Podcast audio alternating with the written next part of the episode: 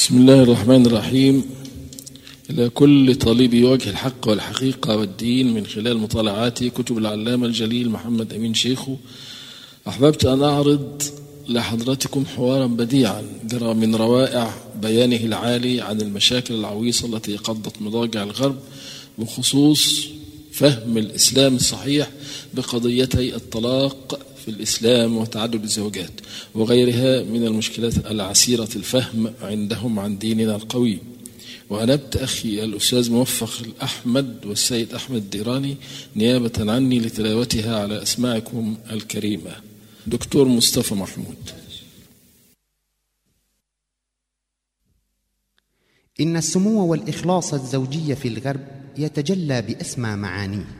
بحيث تتحقق العدالة بين الزوج وزوجته الذي يخلص لها مدى العمر فلا يتزوج عليها لا يظلمها ولا يهضمها. أما عند المسلمين فقد هدرت حقوقها بزواجه من أربع زوجات. ما قولكم؟ إن ما تقوله هو عين عيون الحقيقة لو كان الزواج بديننا زواجا نفسانيا لا إنسانيا. أرجو المعذرة. لم أفهم قصدك بالزواج الإنساني مع أن الإنسانية هي طموح كافة الدول المتحضرة. الزواج الإنساني هو الهادف لإنقاذ أسر وتربية أطفال التربية القويمة مع إنقاذ الأرامل وإسعادهن مدى الحياة وعلى الأغلب إثر حدوث الحروب الطاحنة.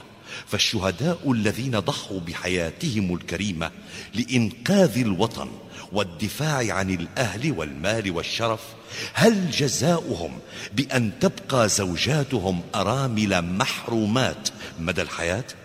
ومن لتربية أطفال وأبناء الشهداء بل من يحن عليهم ويرفضهم بالغذاء والكساء والمسكن نحن في أوروبا نؤمن معاشات لأسر الشهداء بما يضمن كفايتهم وحاجاتهم إذا هل أمنتم للأرامل أزواجا يسعدوهن وينشئون أبناءهن التنشئة الراقية السليمة؟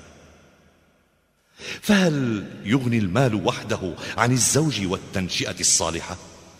هذا أمر لا نستطيع تحقيقه فكل زوج لا يستطيع أن يتزوج أرملة لأنه من غير المسموح للزوج عندنا أن يعدد الزوجات أكثر من واحدة.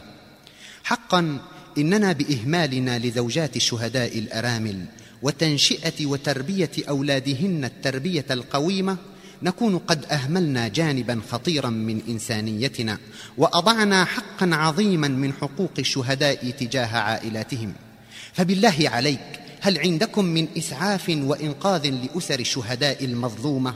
أي هل هناك ثمة قانون أو وسيلة تحنو على اليتامى وأمهاتهن المساكين لديكم؟ نحن تماما مثلكم ولكن قانون الإله الذي خلق ونظم الكائنات قد أمدنا بالكمال تجاه هذه الأسر المهضومة. فبرجوعنا إلى الكتاب المقدس القرآن نجد الدواء والشفاء. يقول تعالى أعوذ بالله من الشيطان الرجيم. وإن خفتم ألا تقسطوا في اليتامى فانكحوا ما طاب لكم من النساء مثنى وثلاث ورباع. فإن خفتم ألا تعدلوا فواحدة. عفوا لم يتوضح هذا الأمر الهام. ولم أفهم بعد كيف يتنزل ملاك الرحمة على هذه الأسر المسكينة. أنت الآن بلسانك وشفتيك قلت فانكحوا ما طاب لكم من النساء مثنى وثلاث ورباع. فما دامت المسألة ليست شهوة ذوقية للرجل فما يحلو ويطيب له يفعله؟ أصبحت المرأة بهذه الآية سلعة ومتعة وأداة لنزوات وشهوات الرجل يحقق فيها أحلامه الذهبية الشهوانية ويمتص رحيق صباها ثم ينتقل إلى زهرة أخرى ويهمل الأولى حتما لانشغاله بالثانية ثم لا يلبث أن يطير إلى ثالثة قد سباه وأغواه وأغراه صباها وجمالها فيتخلى عن الاثنتين ويتعلق بالثالثة وهلم جره. فأين الإنسانية في قرآنكم ودستوركم؟ لقد أصبحت المرأة ألعوبة بيد الزوج المسلم يقطف منها متى شاء ويلقي بها في زاوية الإهمال والنسيان أن شاء. أرجوك وضح لي ما قلت أنه جانب إنساني لا شهواني. عفوا يا أخي الباحث لقد تسرعت قليلا بفهم الآية. فأنت فعلت ما فعله قبلك ساداتنا المفسرون الكرام. إذ قطفت من الآية ما طاب لكم وأعرضت عن الجانب الإنساني الذي ذكرته أنا لك ولم تنتبه إليه كما لم ينتبه إليه أحد من شيوخ الإسلام. أنت قطفت زهرة ما طاب لكم ونسيت بداية الآية والتي هي أساس وعماد فهمها وتأويلها. فالقصة لا يمكن أبدا فهمها الفهم الصحيح. ما دمت تفهم نهايتها ولم تسمع بداية هذه القصة. فهذا فهم مبتور والحكم الصادر على القصة حتما سيكون حكما خطأ بعيدا كل البعد عن حقيقتها. فقد تفضلت أنت بذكر الآية من نصفها الأخير.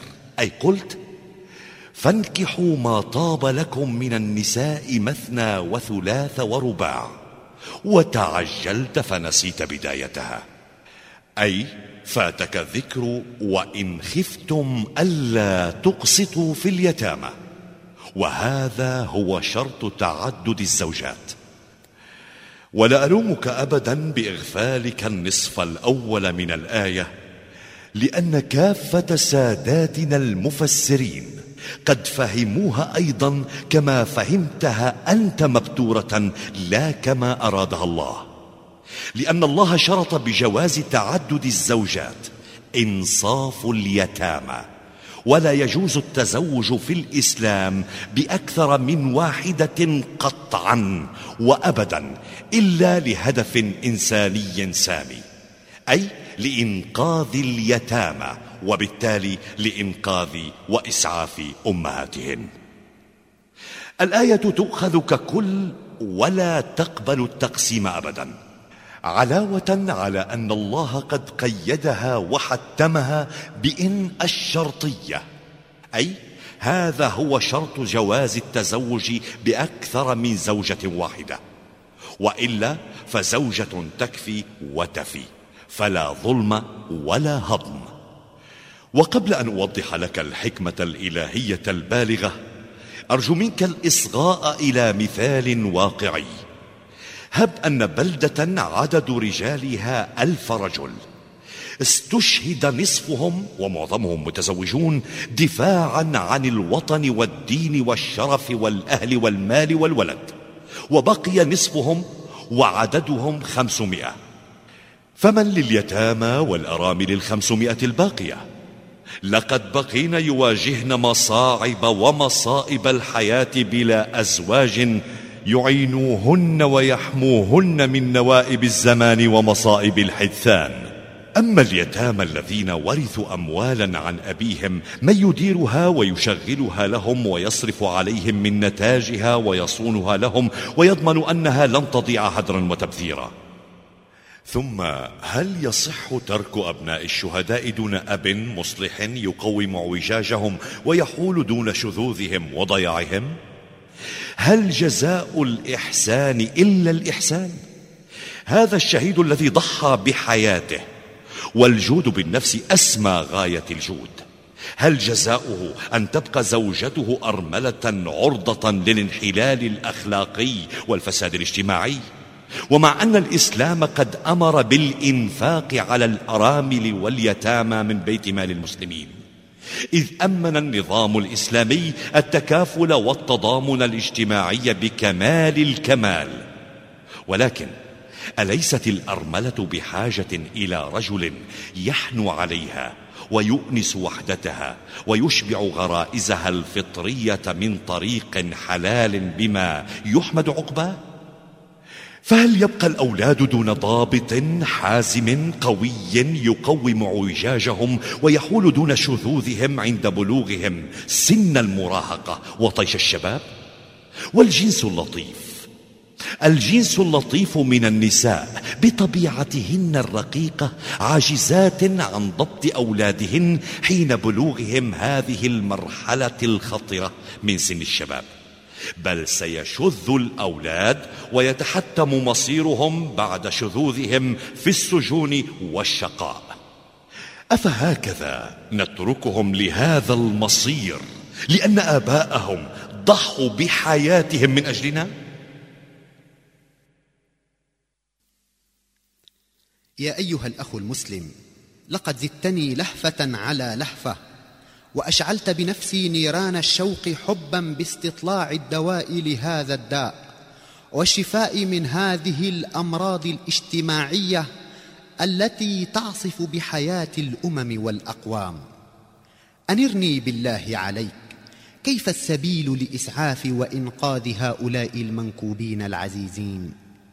لقد أيقظت إنسانيتي وأبكيت قلبي وفطرت كبدي على هذه الإنسانية المعذبة والمترعة بالشقاء والتي لم تجد لها حقا كافة الدول المتحضرة في العالم حلولا ولا علاجات أبدا. حقا إن نتاج الحروب الطاحنة دوما أرامل ويتامى غارقين في البؤس واليأس والألم والهضم والحرمان. فما جوابك؟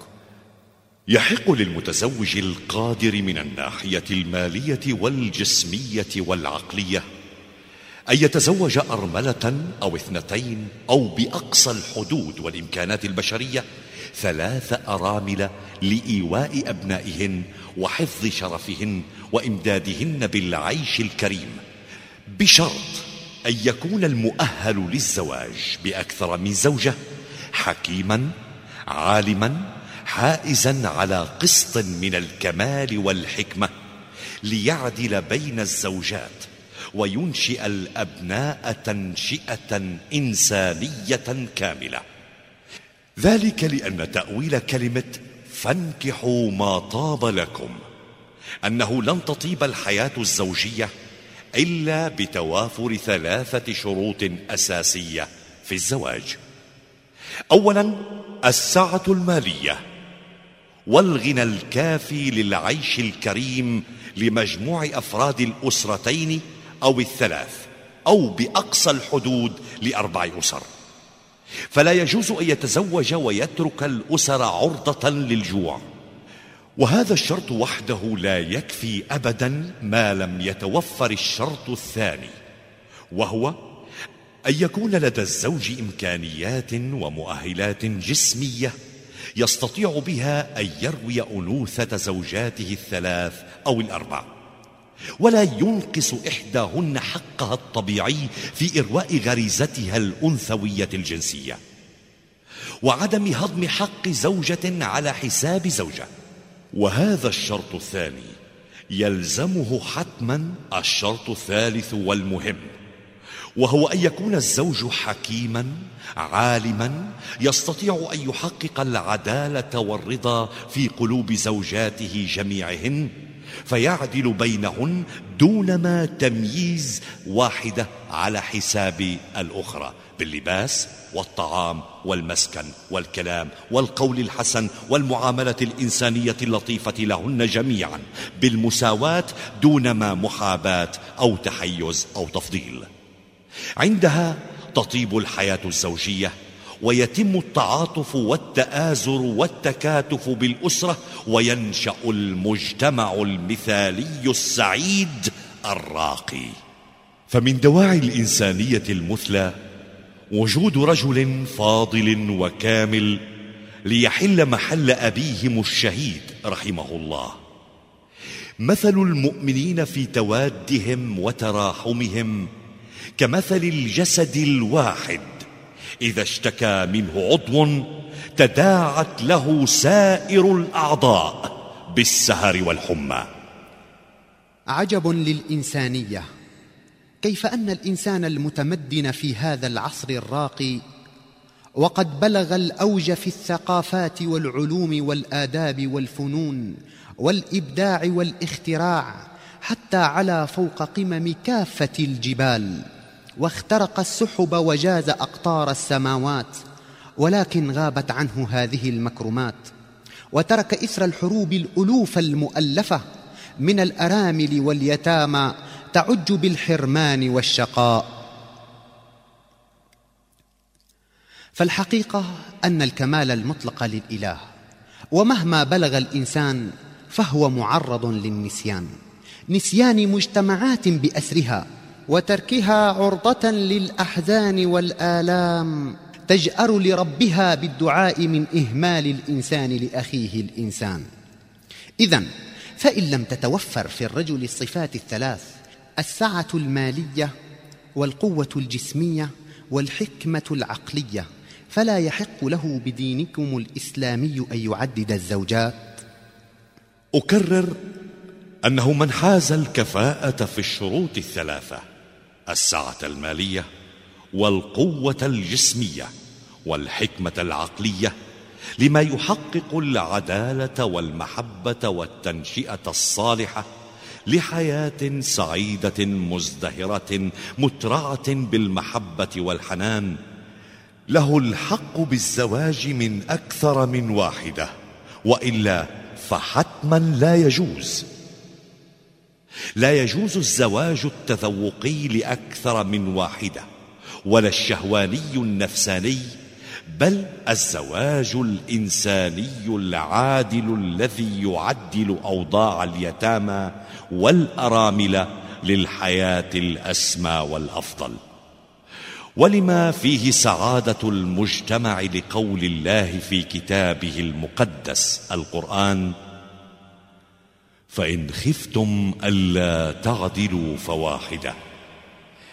إذا وجدت نفسك لا تستطيع القيام بحق النساء فتزوج واحدة لا تتزوج أكثر. عجبا عجبا. ما كنت أعلم أن الإسلام فيه هذا السمو الإنساني والكمال الذي تتعشقه كل نفس فاضلة. وهذا التكافل والتضامن الاجتماعي البالغ في العلو والذي عجزت البشرية في تطورها وقمة مدنيتها أن تصل إليه. حقا هذا من كلام الإله العظيم الرحيم بخلقه والحريص على سعادتهم وهنائهم. ولكن النفس تميل. وفي كتابكم المقدس القرآن أن الإنسان يعشق بطبيعته وفطرته الجمال ونفسه تميل إلى واحدة أكثر بكثير من غيرها من زوجاته الثلاث. فماذا يفعل الإنسان بقلبه؟ وهذا الأمر لا يستطيع أن يتحكم به الإنسان من الميل إلى الألطف والأرق والأجمل. وهذا ما يقرره كتابكم المقدس القرآن أيضا إذ يقول ولن تستطيعوا أن تعدلوا بين النساء ولو حرصتم. فما قولكم؟ يا أخي هذا الذي تفضلت به هو قانون الفطرة البشرية الأصيل. أن تعشق النفس الأفضل والأجمل. وقد بين ذلك تعالى في الآية التي ذكرتها. ولن تستطيعوا أن تعدلوا بين النساء ولو حرصتم. فهذه حتمية بعدم الاستطاعة. ولذا فلها معنى آخر. إذا واحدة أجمل من واحدة فالنفس تميل وهذا ليس بيدنا. ولكن علينا أن نعامل الزوجات بالإحسان. فأنت لا تؤاخذ على ميلك القلبي وإنما المؤاخذة كل المؤاخذة على المعاملة الظاهرة. إذ أن للناس الظواهر والله أعلم بالسرائر. ويضيف تعالى للآية فلا تميلوا كل الميل مع واحدة دون واحدة فتذروها كالمعلقة. حذار أن تهجرها فتذرها كالمعلقة فلا هي متزوجة ولا هي بمطلقة. إذا الكل بالمعاملة مثل بعض ليلة وليلة وكذا المال. أما الحب فهذا لست بمؤاخذ عليه. المهم ألا تظهره بالمعاملة أبدا. لا شك بأن تعدد الزوجات بهدف إنقاذ البنين والبنات من أبناء الشهداء الأبرار وصون وإكرام زوجاتهم أمر بالغ في السمو والعلو. والذي لم يتوصل إليه إنسان عصر القرن العشرين على رقيه فهو الملاذ الأخير والمنقذ الوحيد لأسر الشهداء فما أرحم هذا الخالق العظيم بكافة عباده.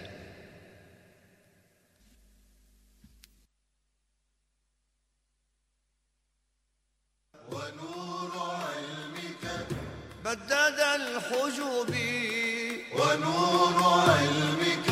بدد الحجب ونور علمك. بدد الحجب لم ألق مثلك سيدا أبدا. برا كريما عادلا حكما. عالي الشمائل فارسا بطلا. من نال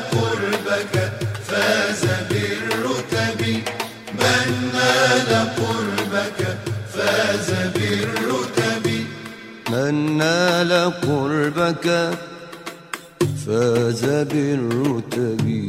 من نال قربك فاز بالرتب. نفس طهور في المعالي سمت. علامة عشق الإله نبت. بالحق جاء وبالآيات ما عجزت عنه الأوائل من عزم ومن عرب. جاءت علومك شاهدا ببيان إعجازها باق مدى الأزمان. حقائق قد أظهرتها المعاني. علم عظيم ساطع لحيب نور الهدى للناس قاطبة.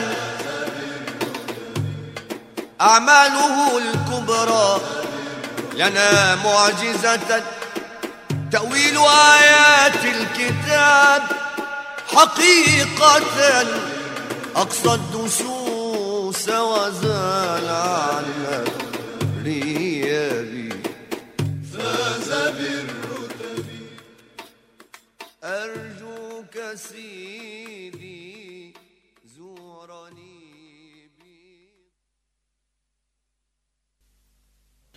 هذه العلوم غيض من فيض علوم العلامة الجليل محمد أمين شيخو دكتور مصطفى محمود.